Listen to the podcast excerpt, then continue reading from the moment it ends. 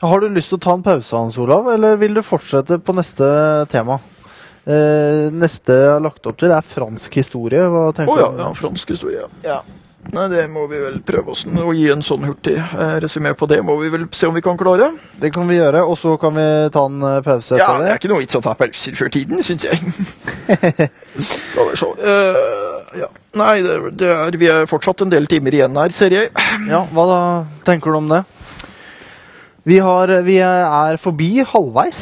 Vi er forbi halvveis, ganske, vel egentlig ganske godt forbi halvveis også i forhold til, uh, i forhold til å rekke denne 26-timersrekorden. Vi må vel ha oppspart noe ferietid her også, holdt jeg på å si. Det, Ja, Vi har vel spart opp uh, ca. en time pause. Vi har en time pause å gå på, ja.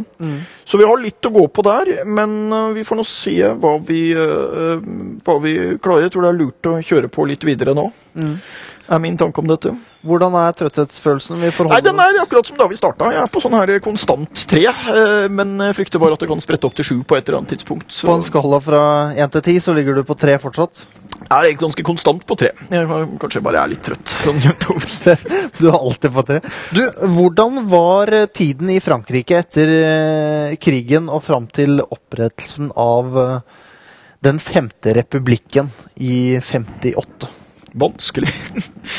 Men eh, Frankrike har hatt et veldig krevende Det er jo et land eh, Historisk så er Frankrike et land som ofte har gått litt foran i forhold til de store utviklingene av demokratiet. Og vi snakker om de her fem republikkene, da. Eh, og, den, eh, og det er jo den franske revolusjonen i 1789 ikke sant, som utløste en slags første republikk, hvor man for øvrig går til det veldig dramatiske steg i Frankrike på 1790-tallet. Og, eh, og danne eh, og, og, ha allmenn stemmerett for menn. Som man riktignok aldri klarer å, å gjennomføre, men som man dog vedtar. Men så kommer jo Napoleon og keiserdømmet og i det hele tatt, og, og, og eh, den historien rundt napoleonskrigene og dette, og republikken blir jo satt til side. Eh, Så kommer det jo da den andre Skal jeg holde styr på disse republikkene. Den andre republikken er jo altså da i 1848, og den er etter februarrevolusjonen i Frankrike. Som jo blir starten på en ganske bred revolusjonsbølge i Frankrike, som endrer veldig på hele det politiske Nei, i Europa. Som endrer veldig på det politiske landskapet etter en lang periode som egentlig har vært preget av etter napoleonskrigen av stabilitet og et etablert uh, statssystem.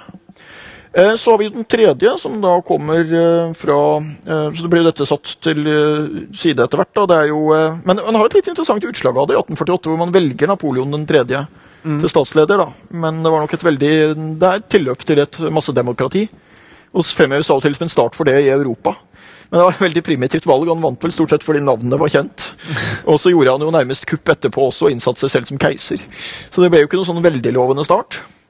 Så kommer 1870-tallet, så kommer jo forsøk med Pariserkommunen, og så kommer det jo en tredje republikk fra 1870-tallet. En veldig vanskelig periode. Frankrike har lidd eh, militært nederlag mot uh, Tyskland, hvor Otto von Bismarck er i ferd med å samle det. Eh, men det er jo da en uh, tredje republikk som består der da. Og så er det Håper jeg ikke blander sammen noen av disse republikkene nå, men det tror jeg ikke. Ehm, eh, skal vi se Og så er det jo da en turbulent periode i mellomkrigstiden. Og der eh, bidrar jo den politiske turbulensen du får i Frankrike, med veldig mange svake regjeringer som ikke klarer å motstå, eh, ikke klarer å bygge opp et sterkt forsvar, og ikke klarer å, å følge opp Frankrikes posisjon, og ikke klarer å stå imot trykket både internt og eksternt, bidrar jo til den store politiske krisen som kommer. Nei, og der har Frankrike veldig mange svake regjeringer og veldig sterke interne motsetninger. Men så er det jo den fjerde republikken da, som man styrer videre med etter krigen, som går i de samme fotsporene. Hvor man da har får litt samme situasjonen, at man får et politisk landskap hvor det er statsministeren som jo da fungerer som den politiske ledere, men hvor det er veldig mange svake statsministre, får vi vel si, og en veldig turbulent situasjon. Og så blir Frankrike rammet av en del problemer etter krigen. Krigen i seg selv er en, veldig, er en veldig traumatisk opplevelse for Frankrike. Fordi Frankrike var en stormakt i første verdenskrig. Led veldig store tap. 25% av franske menn mellom 20 og 30 mistet livet i første verdenskrig. Det var veldig dramatiske følger av det. Eh, og så Eh, Etter eh, eh, krigen så blir man jo frigjort, og der sies det jo litt spøkefullt at det var De Gaulle var jo den som ble den store frihetshelten for franskmennene, som gikk i eksil og leda en kamp eh, fra eksil og kom tilbake for å befri Frankrike. Eh, Det ble litt sånn spøkefullt sagt at det var amerikanerne og franskmennene hadde et, om, hadde et kappløp om å få befridd Frankrike i 1944-45. Og det vant amerikanerne, og det har franskmennene aldri tilgitt i. Og Det er litt satt på spissen, men det var, eh, selv om man da til slutt eh, ble befridd og, og, eh, og, og fikk det nødvendige oppgjøret med nazismen, og selv om Frankrike havnet på en seiersside i krigen til slutt, så var det en voldsom knekk for selvtilliten med den militære kollapsen man opplevde i 1940. Etter at Frankrike hadde vært en militær stormakt under første verdenskrig. Og Her fikk man jo også denne historien med Vichy-regimet og den gamle eh, helten fra første verdenskrig, Petain, som satt der og ledet det. Klarte man ikke å gå fra de hva skal jeg si, primitive militære installasjonene i første verdenskrig til de mer profesjonelle i annen verdenskrig? Jeg tror først og fremst det var en politisk krise, men trakk jo etter hvert med seg en militærkrise også. da. Ja. Og det er klart at Mens man jo i Norges tilfelle selvfølgelig kan problematisere om Norge hadde ressurser til å stå imot stormaktsangrep, Ja. så var jo Frankrike unektelig et land med veldig store ressurser. Men det var rett og slett et veldig splitta samfunn, og et veldig turbulent samfunn i den perioden der. Eh, da, etter krigen får kvinner stemmerett i Frankrike, det er jo avgjort et fremskritt. Ja. Eh, Så det var jo på mange måter også et verdikonservativt samfunn. Så har man da, på samme måte som en i Norge hadde Christian Michelsen liksom stående litt i bakgrunnen, så har Frankrike en mann som heter Charles de Gaulle, som først umiddelbart etter krigen jo blir leder, eh, statsminister da vel nærmest, for en sånn uh, samlingsregjering uh, som liksom styrer en periode etter krigen, og som så trer tilbake og trekker seg ut av det politiske liv. Og det er jo da den store krigshelten og på en måte nasjonalhelten som sitter der på sidelinja og ser an utviklinga. Og han står der jo plutselig da, i 1958, tilbake på banen som en politisk aktør. Og det var jo en veldig spesiell situasjon for Frankrike, for det endte jo faktisk med at det sammenbruddet for Den fjerde republikk ble jo utløst av en slags krise i koloniene. Frankrike har en veldig vanskelig periode med koloniene. I eh, det er jo Indokina hvor man hadde franske kolonier som bryter sammen på, eh, i årene etter krigen, og, med, med, krig og det hele. Eh, og så får du denne situasjonen i 56 med Suez-krisen. Hvor Frankrike og Storbritannia jo prøver å militære militær for å stoppe Nasser når han prøver å nasjonalisere Suezkanalen. Eh, som ender med et ydmykende nederlag for begge to. Og oppi dette så har man jo da Algerikrigen, hvor det gjenværende franske besittelsene i Nord-Afrika eh, henger løst. Eh, To av dem eh, blir vel, eh, går vel relativt greit, men Algerie ender jo med en krig som også da eh, fører til en politisk krise i Frankrike. Og så står Charles de Gaulle der med det han har ment hele tiden, nemlig at denne republikken er for svak, vi må ha en femte republikk. Og den må ha en sterk presidentmakt. Og det får man, og presidenten der heter Charles de Gaulle. Hvilke visjoner er det han har for Frankrike? Ja, det går interessante visjoner, på sett og vis, men han er veldig nasjonalistisk. Hvordan da? Eh, Nei, altså Han var jo en nasjonal frihetskjemper under krigen. Og Den store visjonen han kommer tilbake på, er én Frankrike har fortsatt ressurser til å være et sterkt land og være en stormakt. I første rekke, så å si. Så det det handler om, er å finne en ny posisjon for Frankrike, hvor man kan være i lederskapet for Europa. Eh, og Han snakker vel ved en anledning om fra Atlanterhavet til Uralfjellene, altså det er det europeiske kontinentet han i veldig grad, stor grad snakker om. Ja. Og da ser han for seg en situasjon hvor Frankrike da kan spille en ledende rolle. Eh, da, og, Hvor realistisk er dette her i det internasjonale uh, situasjonen som er da? Nei, altså, det er jo en slags alternativ greie til den angloamerikanske uh, um, alliansen med Storbritannia og USA. da. Eh, Som han er litt kritisk til. Altså, han er veldig kritisk til USA, og han er ganske kritisk til Storbritannia, som liksom ligger utafor det europeiske kontinentet. Eh, Men han er jo da villig til å gå i et samarbeid med Tyskland, da. Og det her tidlige samarbeidet med han og Konrad Adenauer i Tyskland eh, blir jo en situasjon på 60-tallet som får en betydning også i forhold til den videre utviklinga av det. Selve kull- og stålfellesskapet hadde jo starta før, før de Gaulle kom. Ja. Men du får jo en videre utvikling med Romatraktaten og det ene med det andre, som, eh, hvor utviklinga går i den retning, og hvor det her fredstidssamarbeidet mellom de to er, er ganske sentralt. Frankrike er jo med i Nato når de Gaulle kommer inn. Men han går jo til det relativt drastiske steg å trekke Frankrike ut av det militære samarbeidet i Nato på et tidspunkt ute på 60-tallet. Mm. Man fortsetter som medlemmer av alliansen, men i praksis trekker seg ut av samarbeidet. Så han er veldig på en sånn egen linje. Frankrike blir atommakt. Så Frankrike gjenvinner nok i noen grad så å si sin militære styrke under de Gaulle. Ja. Eh, og så fullfører han eh, tydeligvis avkoloniseringa. Algerie får jo selvstendighet på et tidspunkt her. Hvor de Gaulle for så vidt er klar på at han eh, ønsker eh, eh, at Algerie for så vidt gjerne må forbli franske, men at det må være deres valg. Så i den sammenheng så spiller han jo en litt sånn demokratisk rolle at det blir en fred i Algerie eh, og en avvikling av krigen der. Eh, og så styrer han jo Han er jo gammel militær og general og ikke politiker. ikke sant? Og han styrer jo Frankrike etter, om ikke den militære straffeloven, så i hvert fall eh, ganske, eh, ganske autoritært gjennom 60-tallet. Vi kan ikke snakke om Frankrike uten å snakke om studentopprøret. Nei, det kommer ikke. Det kommer mot slutten av de Gaulles periode, da. Eh, For, å få ta ned at Selve innføringa av denne republikken var ganske kontroversiell. Eh, og den, eh, Det var jo en unntakstilstandssituasjon hvor de Gaulle fikk utvidede fullmakter. Eh, og så, videre. så, så det var jo Det har jo ikke uten rett vært hevda at det var et slags statskupp som fant sted, men det ble jo akseptert i ettertid da, og fikk en demokratisk overbygning senere. Og han vinner jo presidentvalget det er vel i 1965. Han stiller til presidentvalg og vinner eh, ikke så med så enorm margin, for så vidt, men ganske overbevisende. Eh, men nei, han kjører en sånn eh, strategi hvor han appellerer en del til folket og legger en del spørsmål ut til folkeavstemninger. Ja. Men parlamentet har han jo alltid et litt anstrengt forhold til. Han er ikke noen stor parlamentariker, han karen her. Nei. Eh, Men så blir det jo da en De kalles jo bare for gaullistene, da. Som er de konservative bevegelsene og partiet i Frankrike, sånn det fremstår på hans tid. Så det er jo en konservativ og nasjonalkonservativ egentlig bevegelse rundt han. Ja, Dette er da tre år før, før studentopprøret bryter ut. og studentopprøret blir ikke noen krise for de Gaulle på kort sikt. Han kjører den vanlige ro- og, og, ordenlinja, men det er noe som, eh, som eh, smeller i det, det, det ryster i grunnvollene under de Gaulles Frankrike. Altså, han, er, eh, han er jo nå nesten 80 år.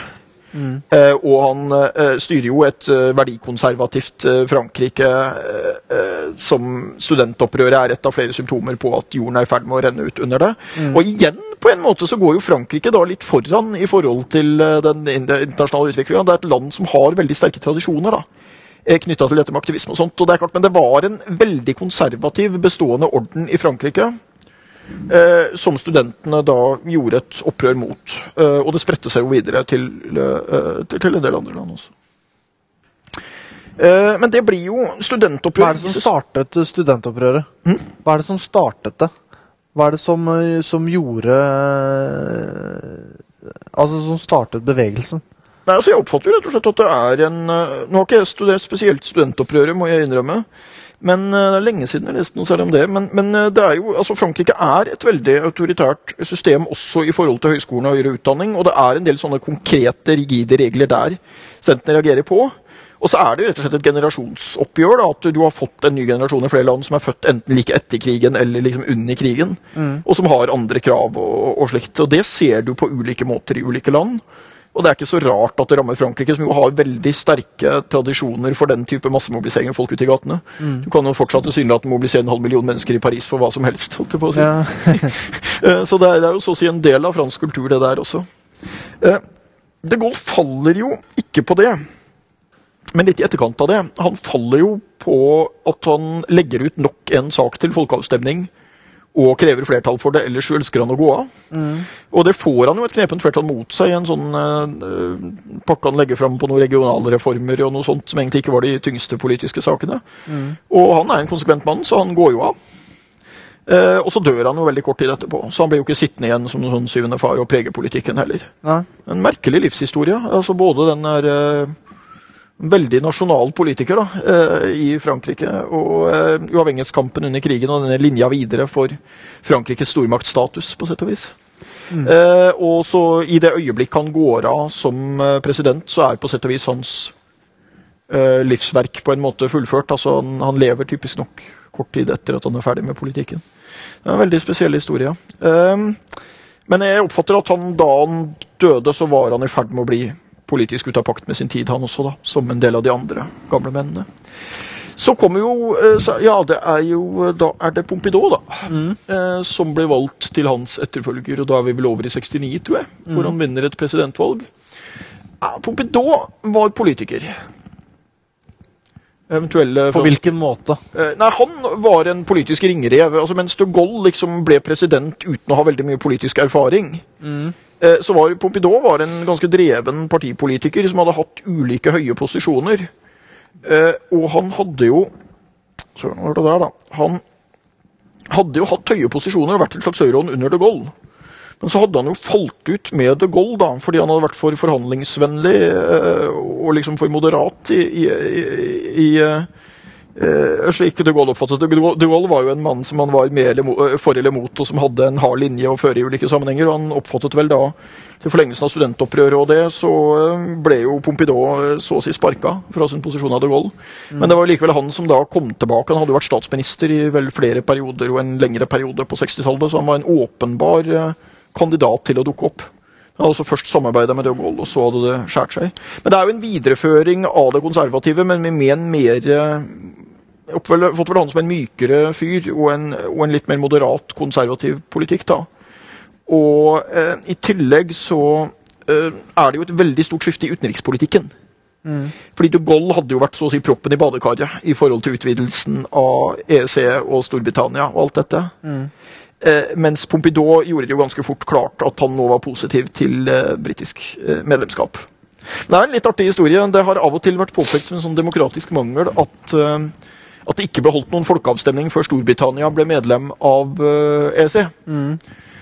Det ble holdt en folkeavstemning, men den ble holdt i Frankrike. Franskmennene holdt folkeavstemning om de skulle tillate at Storbritannia ble med. Ja. Så det er også en litt sånn sær eh, episode oppi det hele. Eh, ja. Og så eh, kommer det en midlertidig kar eh, etter eh, ja, Han legger vi ikke noe større vekt på det, var vel bare at man formelt må ta han, fordi Pompidou døde jo. Ja. Eh, Men, men, men det Pompidous store betydning i forhold til europeisk historie vil jeg nok si er uh, utviklinga i forhold til EEC og utvidelsen der, hvor han jo da spiller en helt annen rolle enn forgjengeren, og sånn sett blir et brudd. Mm. Så blir det jo en kort periode. da. Han ble jo valgt for sju år, men døde jo etter fem. Eh, og så går det en midlertidig fyr som ingen husker navnet på, og så kommer uh, Alan Poer. Ja, ikke så mye å se om det, tror jeg. Nei. uh, og så kommer Så kommer Valerij Giscard d'Estaing kommer etter det. Stemmer. Ja, de- Slutten av eh, Eller store deler av 70-tallet og Ja, 74 til 81, vel, Ja. nemlig, nærmere bestemt. Ja. Uh, han vinner jo da dette presidentvalget som Man har nytt presidentvalg når Pompidou dør, da. Uh, Giscard d'Estaing ja, det er altså en interessant fyr, men han er en Litt tåkete, holdt jeg på å si. Han hadde nok en del visjoner litt sånn i forlengelsen av studentopprøret og sånt, om et mer liberalt fransk samfunn, har man inntrykk av. Han så vi sette noe sånn politisk merkelapp på Giscard Destailly så er han vel først og fremst liberal. Og han er nok eh, i mindre grad enn Pompidou også en, også en partipolitiker. Altså Han fremstår som en mer eh, så å si, uavhengig liberal, tror jeg nesten er det man må kalle han. Eh, men han får jo Har nok en del visjoner som han også sliter litt med å oppfylle innenlands. Han også brenner jo mer for utenrikspolitikken og det europeiske samarbeidet etter hvert, og ender jo også opp både som en eh, med å spille en rolle i forhold til den nye grunnloven til EU, da, eh, og i forhold til eh, Europaparlamentet, hvor han vel sitter en periode tidligere. Som fransk president, så altså I forhold til den europeiske utviklinga, så spiller han en rolle, og et Frankrike på, mer på vei inn der. Og viderefører jo på mange måter da Pompidous engasjement. Sånn, sånn innenriks i Frankrike så kjennes det vel som han ikke oppfyller de forventningene som er skapt. Og han taper jo også da presidentvalget i 81 til sosialistenes store leder. Og han hadde vært der lenge da. Han hadde stilt mot de Gaulle allerede i 65. Og het jo da Francois Mitterrand. Men hva skal jeg si, endelig så får han en lang Ja, periode. og Frankrike var jo sånn sett blitt et politisk konservativt land. Eh, men det kort det blir jo et uh, stort skifte. Han sitter i 15 år. Nei, 14 ja, 14, Unnskyld. altså det er, det er sjuårsperioder på denne tida. Ja. Eh, så det er fra 81 til 95. Og han er jo da blitt en ganske gammel mann. Eller altså en, alder, en uh, godt voksen statsmann, han også, da. Eh, og han dør jo også eh, av, av sykdom kort tid etter at perioden han slutter. Det er vel i 96, tror jeg. Sånn at han eh, Det blir jo også for han, da, litt på samme måte som de Gaulle, så blir det jo en, en lang karriere på sett og vis som slutter med en lang presidentperiode, og så dør han like etterpå. Ja. Eh, Det var jo en markert venstredreining av fransk politikk. Det er flere interessante sider ved det. På hvilken måte, hvilke konkrete ting var det som dreide politikken til venstre? Nei, altså Bare det at Sosialistpartiet får presidentmakten der, er, er, er jo et ganske klart skille. Men han skiftet jo retning noen ganger politisk, han også. da. Begynte jo med å kjøre en litt mer sånn som jeg oppfatter det, en EU-kritisk linje da han kom, som nok sto litt i, i eh, kontrast til Giscard d'Estaing. Men så snudde han jo om, og ble jo en relativt EU-vennlig politiker, han også. Og spilte også en stor rolle i det europeiske samarbeidet, da. Eh, Så gjorde han en litt interessant ting, fordi Frankrike hadde jo det sterkeste kommunistpartiet i Vest-Europa sammen med Italia. Eh, Da. Eh, Men det hadde kommunistpartiet som var en annen type enn i Italia. Fordi det der, franske kommunistpartiet var veldig lenge veldig ortodokst. Og, da, men så fikk de jo diverse splittelser og, og sånt etter hvert, da. Så den historien om splittelser og oppdelinger på venstresiden i Frankrike er jo også, er jo også ganske lang. Men, men Mitterrand tok jo et regjeringssamarbeid med kommunistene. Ut fra en teori om at han mente at det var den beste måten å vinne det som var en veldig hard maktkamp på venstresiden i Frankrike. Om hegemoniet der. fordi der var, Det var et av landene hvor sosialistpartiet helt inn på 80-tallet var utfordra av kommunistpartiet. altså for Kommunistpartiet var et reelt alternativ og hadde betydelig oppslutning. If you can't beat them, join them? Er det Ja, no, noe sånt. altså at Du resonnerer ut fra at hvis de går inn i regjering og vi går i samarbeid med dem, men jeg er president, så kommer vi til å få den største gevinsten. Men det, det slo jo til, da. Men det var vel også en del andre årsaker utover 80-tallet til at det her øh, franske kommunistpartiet fikk stadig større problemer. Uh, så Mitterrand ja, Det er mye å si om det. Han, han eh, dreide Frankrike til venstre, men samtidig så hadde han nok fremstått som mer radikal i noen tidligere episoder enn jeg oppfatter at han fremsto da. Og som sagt, i forhold til europasporet så oppfatter jeg vel med alle forbehold for at det er veldig sent på kvelden nå at han, at han snudde eh, i forhold til den eh, strategien han først hadde eh, lagt opp da. Mm. det er jo en veldig spennende periode også for Frankrike, selvfølgelig, knytta til at den kalde krigen er slutt, og at du får Tysklands samling og disse tingene. Men det er jo Frankrike handler jo mye om innenrikspolitikk, og Frankrike er i ferd med å bygge seg opp noen interne problemer i denne perioden, som jo også utover skal komme mer fram. Det handler en del om integrering i et veldig blanda samfunn med en til dels ganske segregert eh, er En del storbyproblemer de har, da. Eh, som tidligere kolonimakt så fikk de jo, arvet de jo en del problemer der fra, fra de tidligere koloniene. Eh, og Frankrike har hatt mange utfordringer, også ikke minst knytta til økonomien i senere år. Men det blir jo hans etterfølger, da, og som jo var hans eh, statsminister. Det er en situasjon som er ganske vanlig i Frankrike. At du har en president eh, som så å si har vunnet valget og er den øverste lederen i kraft av det, og har ganske vidtgående fullmakter, men som dog skal samarbeide med parlamentet hvor det kan sitte en statsminister fra en annen partifarge. Og der, Det var jo et samarbeid, som vel, partnerskap som man kalte det, hvor eh, Mitterrand da modererte seg og samarbeida politisk med Jacques Chirac, Ja. som jo eh, var konservativ, men ble statsminister i siste del av, av Chiracs periode. Var det en slags automatikk Ja. i at det var han som, uh, som tok over? Nei, altså, De var jo ulike partier, da. Eh, Så det var jo reelt valg med ulike kandidater, det der, altså. Men uh, Chirac tapte jo det siste valget. Da, da Mitterrand stilte til gjenvalg i 88, så var det jo de to store man snakket om. Mm. Uh, og hvor Mitterrand da vant. Eh, etter at det da Og da var man i den der partnerskapssituasjonen. Men uh, Chirac ga jo ikke opp av den grunn. Han holdt seg jo i vannflata og kommer jo tilbake og vinner jo da. Det er jo da i 95. Mm. Eh, Hva slags Frankrike er det han tar over da? da tar han over et Frankrike i en eh, ganske spennende, men samtidig krevende ny posisjon, som å finne sin plass i et nytt Europa. Hvor, altså, det har jo handla veldig mye om Frankrike og Tyskland, da. Og da har du jo en situasjon hvor du har et samla Tyskland, eh, og du har et EU som er i, som eh, er i ferd med å eh, ekspandere, så å si, både geografisk og i forhold til å fordype samarbeidet. Og hvor Frankrike da har valgt å gå inn og spille en aktiv rolle der. Jacques Delors eh, spiller jo også en veldig viktig rolle der, da. Eh, blir jo på mange måter eh, hjernen bak den utvidingen og fordypingen som kommer der. Og, det er jo en situasjon hvor Frankrike for så vidt finner en ny posisjon der.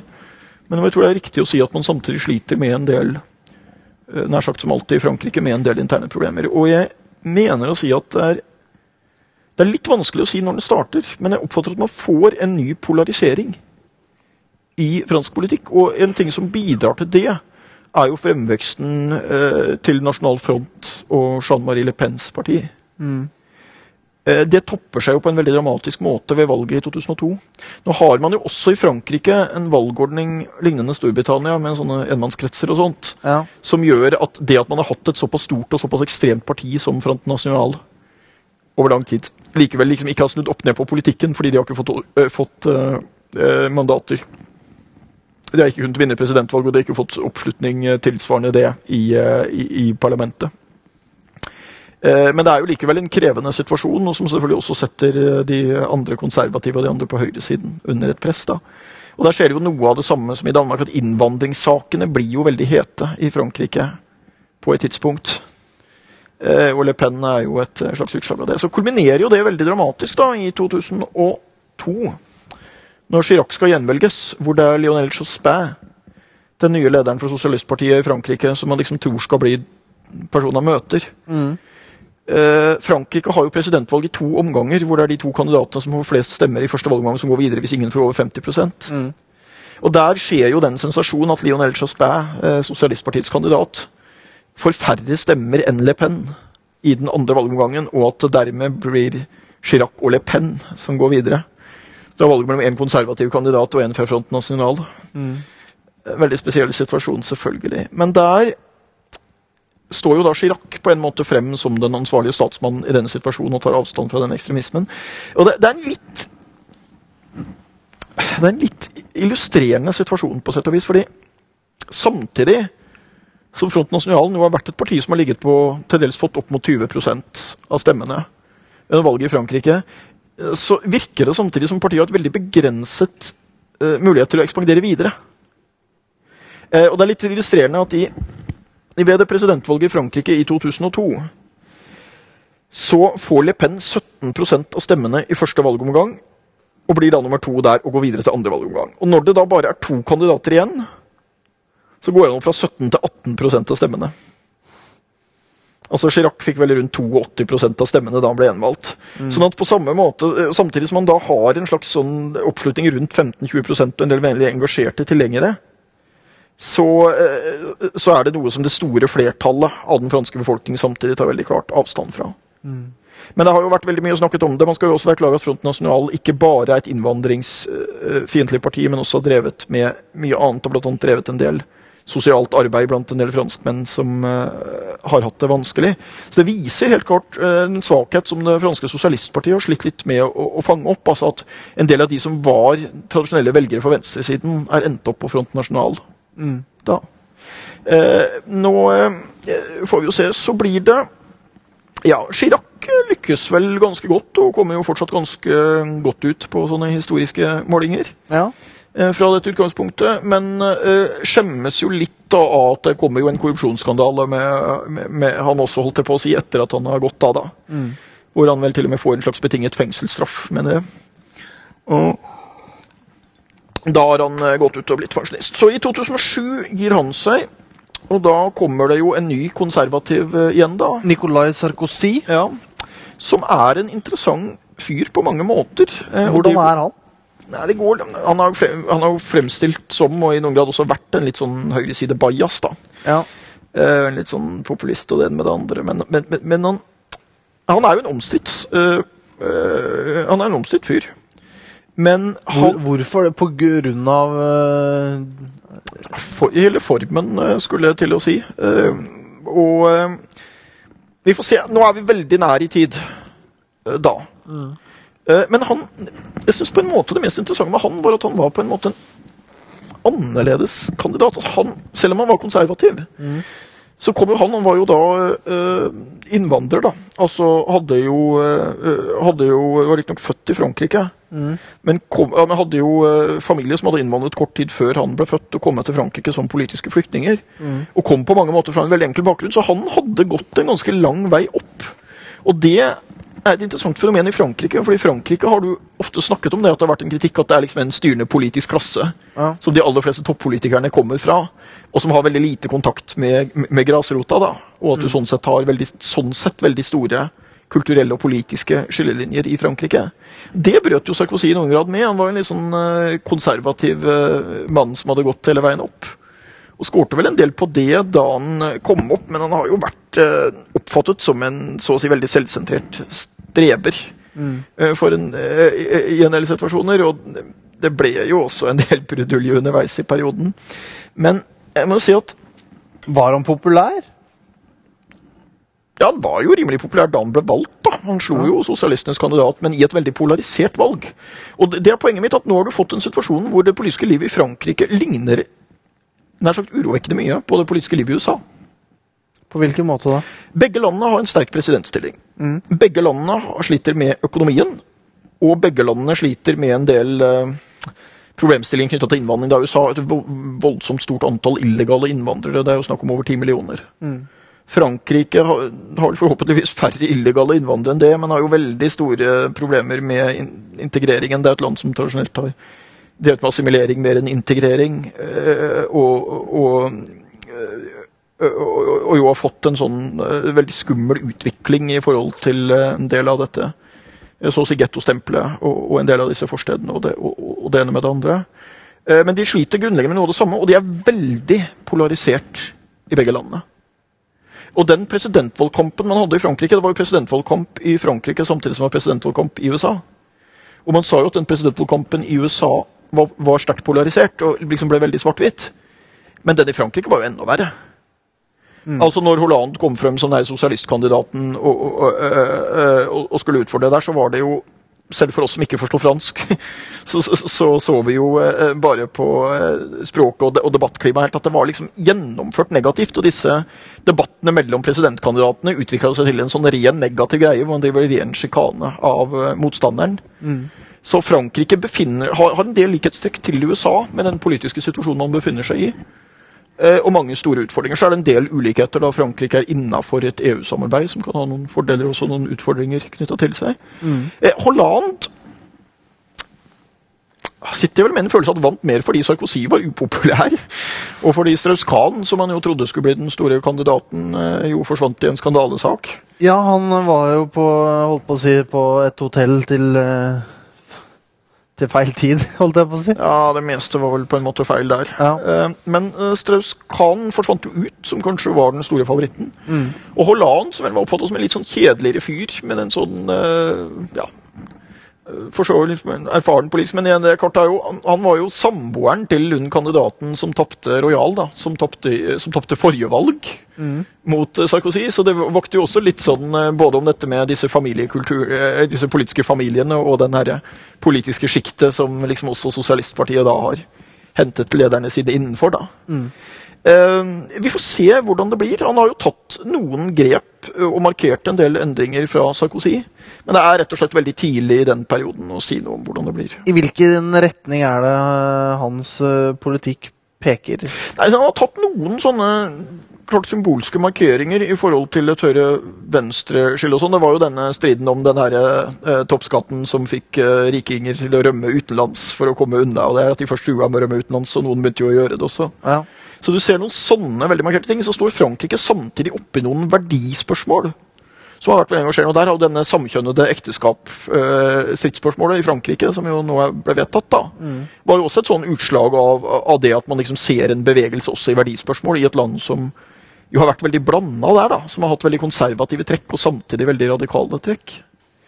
Eh, Men vi får se hvordan det går. Jeg tror at han skal få en krevende oppgave, men litt på samme måte som Obama har en krevende oppgave i USA, så har Hollande en veldig krevende eh, oppgave i Frankrike.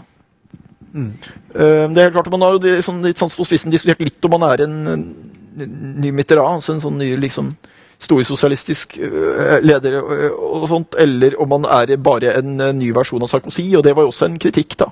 Er det for tidlig å si det? Ja, det er for tidlig å si det, men jeg syns at han har tatt noen grep og prøvd å liksom gå i en ny retning ganske markert. Og Sarkozy eh, var jo litt grann en politisk populist som også modererte seg, som fremsto som en litt sånn eh, kandidat et godt stykke ut på høyresiden da han ble valgt, men som f.eks. i krisehåndteringa si jo aksepterte en ganske aktiv statlig eh, rolle og, eh, i forhold til regulering av finansmarkedene og det ene med det andre.